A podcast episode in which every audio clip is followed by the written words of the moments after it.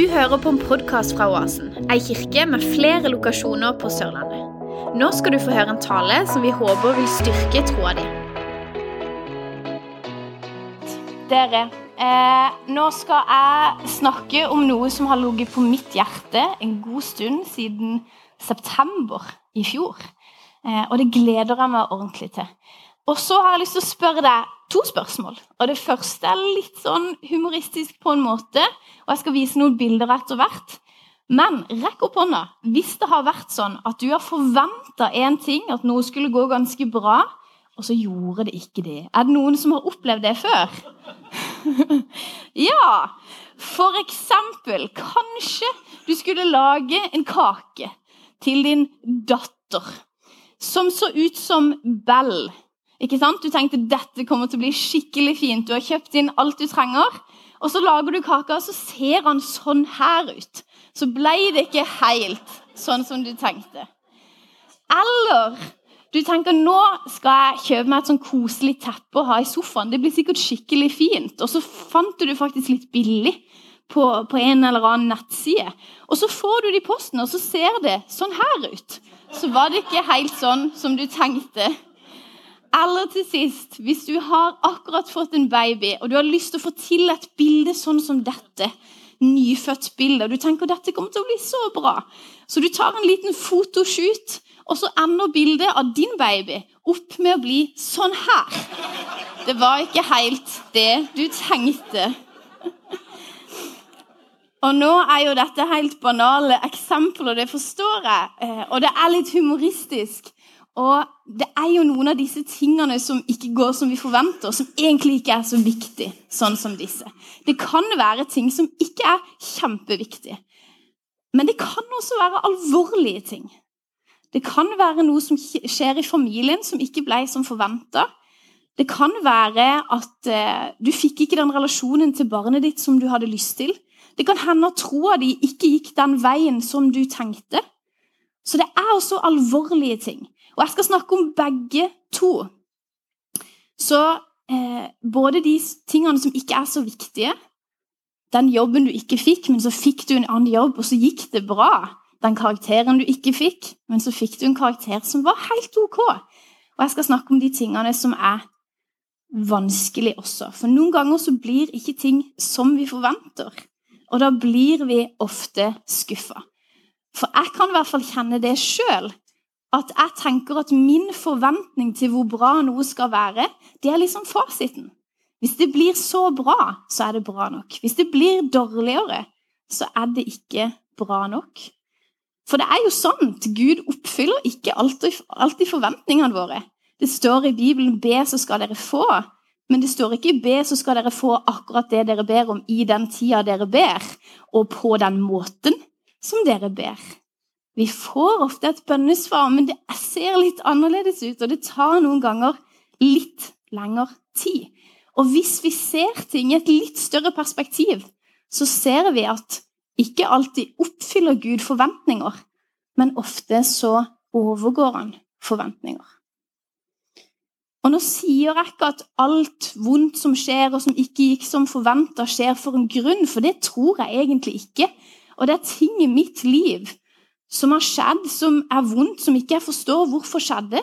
Og jeg finner ikke en mening med det. Men allikevel så Og det er ikke det jeg skal snakke om. Jeg skal ikke snakke om det ondes problem.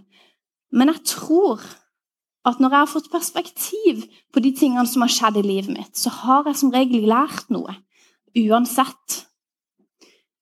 Så det er ikke det jeg skal fokusere på. Jeg skal fokusere på hva, og jeg stiller deg dette spørsmålet nå, og jeg stiller det på slutten også, hva gjør du når noe ikke går som forventa? Jeg er interessert i hva gjør du da? Og da sier jeg heller ikke at hvis du gjør alt riktig, så går det bra likevel. Det er ikke det vi snakker om her. Men hvis vi har et gudsperspektiv på det, så blir det kanskje enklere å håndtere. Og kanskje må vi ta en liten realitetssjekk ikke med tanke på hva du kan få til, men hva Gud kan få til. For vi lever i en verden at hvis vi tror på Gud, så tror vi at Gud kan gjøre store ting. Gjør vi ikke det? Ja. Så en av de tingene som ikke er så viktig, det er jeg klar over. Det fins viktige ting i livet, og så fins det ting som ikke er så viktig. Men av de tingene som ikke er viktig, så er jeg helt enig i at de fleste er enig med meg at de ikke viktige tingene, eh, blant de, så er tennis det viktigste. Det syns jeg. Og det er en som nikker der, og det er Aksel. For han er enig, ikke sant? Ja. og i september så var jeg i London, og vi kan få opp et uh, bilde derfra. Så var jeg i London, og jeg fikk endelig se min store tennishelt Roger Federer. Dere har sikkert hørt om han, selv om dere ikke kjenner til tennis. Hei, jo! Det er så mye fotball her på plattformen. Vi er nødt til å ha litt mer tennis. Mangfold. Dere har sikkert hørt om han. Og noen uker før turneringa så fikk jeg vite at dette skulle bli hans siste kamp. Og mine forventninger var skyhøye. Kanskje den mest kjente tennisspilleren gjennom tidene. Har rekord på rekord på rekord, som nå etter hvert blir slått, men han blir regna blant mange som den største. Og Han skulle spille sin siste kamp. Det var på O2 Arena. Vi var rundt jeg er ikke helt sikker, 20 30 000, et eller annet sånt. Eh, og han spiller, og han har mulighet når han spiller den siste kampen. På et tidspunkt har han mulighet til å avgjøre og vinne kampen når han server. Og hele salen på 20 30 000 reiser seg opp, og det er helt stille. For sånn er det i denne fantastiske sporten her. Det er faktisk stille på noen tidspunkt. Og det er helt stille. Og han står og dropper ballen, og han server. Og han får det ikke til. Og du kjenner et sukk gjennom hele salen. Og det skjer igjen, og det skjer igjen. Og han taper. Og så er kampen slutt. Og reporteren går hen til han og spør Hva føler du nå? Og vi sitter der og tenker jeg kan ikke tale for alle de andre 30 000, men, men altså sånn, jeg tenker i alle fall Stemninga er ganske langt nede. Jeg tenker Dette er en forferdelig slutt på en fantastisk karriere. Så spør reporteren Federer hva føler du nå, og han sier jeg er så fornøyd. Med den skaden som jeg har, så er jeg så glad at jeg kunne gjennomføre kampen, og at jeg kunne gjøre det sammen med min største rival og min beste venn, for de spilte to mot to. Og jeg tenker bare Hæ? Hva? Er du, er du, ikke misfornøyd? Du taper for noen som du kan slå mange ganger, egentlig. Og så er det din siste kamp, og så går det ikke sånn. Du måtte jo, jeg, jeg så ikke for meg at det kunne bli noe annet enn at han vant. ikke sant? Men jeg skjønte at jeg hadde jo ikke hele perspektivet. Han var så fornøyd med at han klarte å gjennomføre. Og Noen dager seinere la han ut på Instagram, jeg oversetter fra engelsk. Han skriver Vi håper alle på en eventyrslutt. Her er hvordan min gikk. Jeg tapte min siste kamp. Jeg tapte mitt siste teamarrangement. Jeg mista stemmen min, og jeg mista jobben min. Men fortsatt kunne ikke min slutt på karrieren vært mer perfekt og jeg er så fornøyd med hvordan alt gikk. Og han er ikke mitt idol nødvendigvis. Han er heller ikke kristen. Men jeg syns det er interessant. da. Forventningene til de som var i den salen, var at han skulle vinne. Han gjorde ikke det, men han var så fornøyd. Og denne posten gikk jo viralt på internett. Og jeg syns det var fantastisk. Og dette er en person som gjør noe som ikke er nødvendigvis kjempeviktig. Det betyr ikke så mye at han ikke vant sin siste kamp. Det nuller ikke ut alle de kampene han har vunnet. Det nuller ikke ut en fantastisk karriere. Men vi skal se på en annen person fra Bibelen. Vi skal se på historien til Josef. En person som hadde flere situasjoner der, han, der livet ikke ble sånn som han tenkte i det hele tatt. Han opplevde mye urettferdighet, som mange av oss gjør. Vi kjenner historien, og jeg skal ikke gå inn i detalj på hele historien, men vi vet at han hadde elleve brødre. Vi vet at han var eneste sønn på dette tidspunktet. Eh, senere ble han en av to, men eneste sønn til Jakob og Rakel. Og han ble kalt ynglingssønnen, ikke sant? Han ble på en måte satt over de andre sønnene. Og jeg kan skjønne de andre sønnene hans. Sjalusi. Det må jeg bare si. Du kommer inn der sent, og så får du all, all æren. Så han var ikke godt likt. Og vi vet at han opplevde to store kriser i sitt liv. Nummer én han ble solgt som slave av brødrene sine, forrådt og solgt som slave i Egypt. Og når han hadde jobba som slave og jobba for eh, en familie der, så fikk han en falsk anklage på seg som gjorde at han havna i fengsel. Den andre krisa. To store kriser.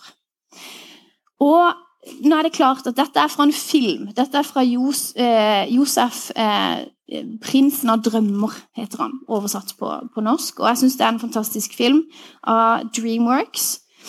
Eh, og det er en film som ikke nødvendigvis alt er helt korrekt, fordi at de tar seg noen friheter, men jeg synes spesielt med tanke på denne friheten her, som jeg skal fortelle om, så syns jeg det er helt fantastisk. Eh, og jeg vet ikke om de er kristne, de som har vært med å lage denne filmen, men det er noe spesielt med denne filmen, eh, syns jeg. Og vi skal se et lite klipp av den etter hvert. Men i disse krisene til Josef så kan vi se helt tydelig at han ga ikke opp når ting ikke ble som forventa. Når han var slave eh, hos Potifar, og han eh, hadde mista sin verdi, ikke sant? Hans verdi som menneske ble erstatta av en pengesum, og livet hans var på en måte over, så jobber han fortsatt mer enn han trenger, og han får mer og mer ansvar, før han igjen da blir for sin andre krise og ble satt i fengsel. Og vi vet i fengsel så står det i Bibelen at han fikk ansvar fra vaktene. Og en person som har gitt opp, gjør jo ikke mer enn han trenger. ikke sant? Så vi vet jo at han hadde jo ikke gitt opp. Og helt garantert så mista han motet noen ganger, men han ga ikke opp det Gud kunne gjøre med hans situasjon.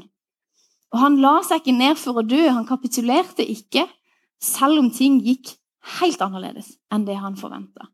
Mye dårligere, i alle fall fram til dette punktet. Og i filmen så ser vi at Moses tar vare på Nei, unnskyld, jeg kommer til å si Moses mange ganger. Beklager. De går litt i surr for meg, de filmene. Eh, Josef tar vare på et tre. Og det skjer ikke i Bibelen. Det står det ikke om i Bibelen. Men det treet her tolker jeg som at det symboliserer Josef sin tro på Gud. Og tro på det han kan gjøre. Vi skal se et, eh, et lite klipp Eh, det tar ca. tre minutter. Eh, jeg har lyst til å vise det. Kvaliteten er ikke fantastisk, men jeg har lyst til å vise det uansett. Eh, og så må dere bare sette dere tilbake og nyte det som skjer. Dette er altså fra når Josef er i fengselet, og her kommer vendepunktet når han føler at han har mista motet, men at han får det tilbake igjen.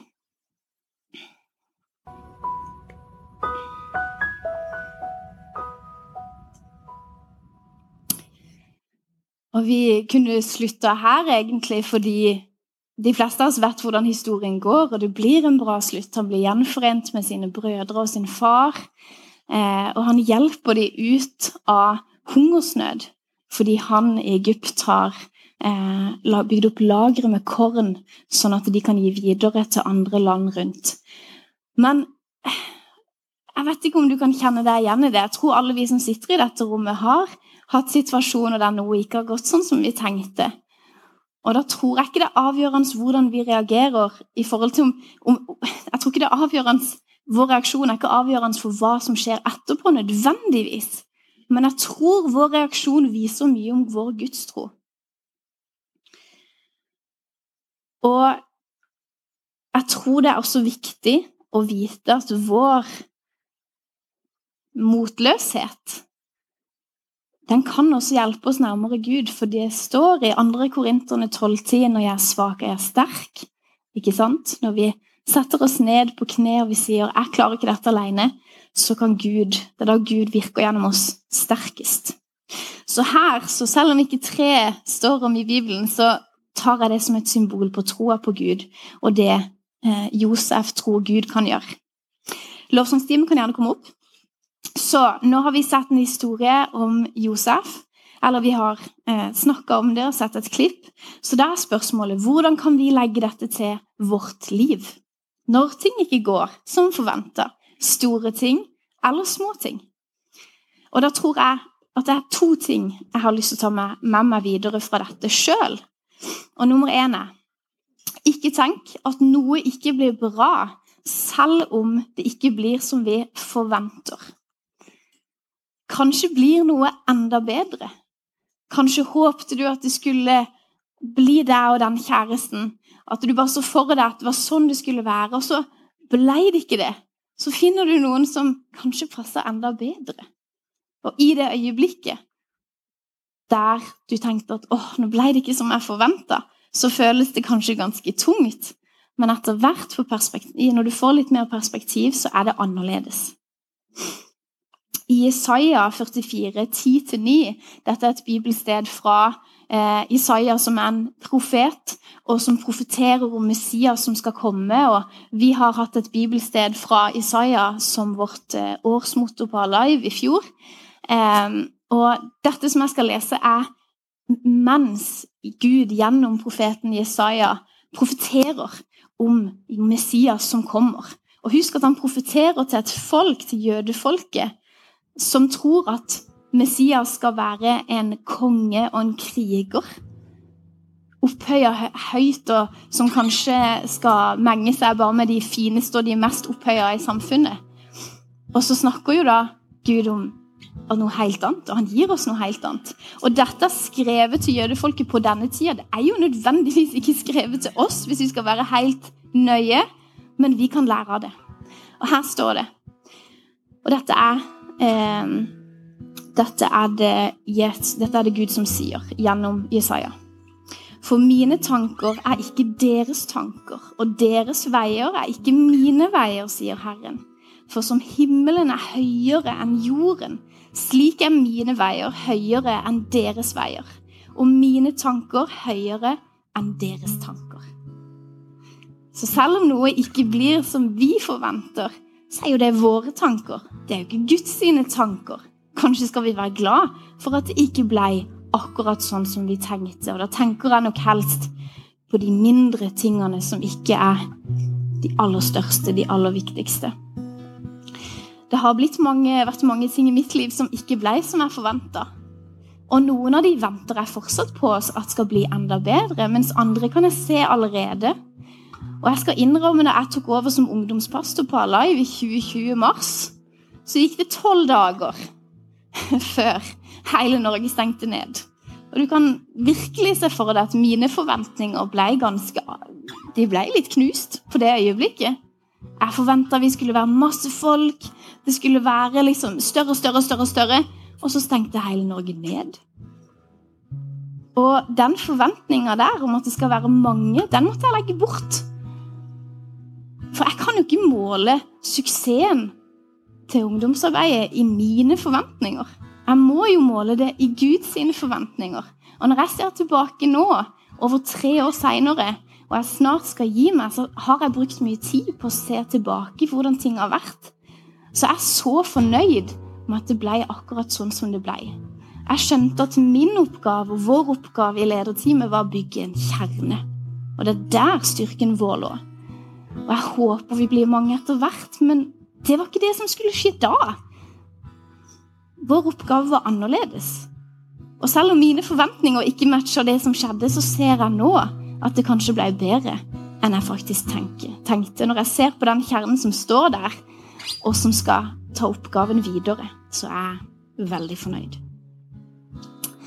Så nummer to. Nummer én. Ikke tenk på at noe ikke, tenk at noe ikke blir bra, selv om forventningene dine eh, ikke blir møtt. Nummer to ikke mist perspektivet. OK, så ble ikke noe som du tenkte. Og hvis det var noe som ikke var så viktig, den jobben du ikke fikk, den karakteren du ikke fikk, fedre som ikke vant sin siste kamp, er det så viktig? Sånn egentlig. Får vi perspektivet, så ser det litt annerledes. Og så er det ting som er litt større, og da må vi ikke glemme at Gud jobber fortsatt. Og han har all makt. Det er det vi tror på. Så hvis vi tenker at å, nå ble det sånn, og det var ferdig, å, det var, det var grusomt, så har vi jo ikke tro på det Gud kan gjøre. Hvis vi tenker og tror at han er allmektig. I Markus 44, når Jesus akkurat har stilna stormen, og han er med disiplene eh, i båten på Genesaretsjøen, så sier Jesus til disiplene Hvorfor er dere så redde? Har dere ennå ikke tro? Vi må jo ikke miste troa på det Gud fortsatt gjør, og det han kan gjøre. Josef mista ikke troa på det Gud kunne gjøre. Det ser vi på hvordan han arbeida, gjorde mer enn han trengte. Og det viste seg jo til slutt faktisk at Gud snudde rundt på alt. Men uansett det hadde blitt annerledes, så mista ikke Josef troa. Og jeg vet ikke med dem, men når ting går galt, så har jeg mye mer lyst til å tenke åh, jeg har tro på det som kommer, enn åh, nå var alt ferdig. Så jeg spør deg igjen det som jeg spurte deg helt i starten. Hva gjør du når ting ikke går som forventa? Hva gjør du? Kapitulerer du og tenker at nå, nå er jeg ferdig, jeg gir opp? Eller gjør du som Josef? Holder du oppe motet? Høyner du perspektivet? Og har du fortsatt tro på det Gud kan gjøre? Takk for at du lytta til vår podkast. I Oasen har vi et kreativt, positivt og attraktivt miljø der vi drømmer om å se mange sunne menigheter. Ta gjerne kontakt med oss via vår nettside eller sosiale medier. Ha en velsigna dag.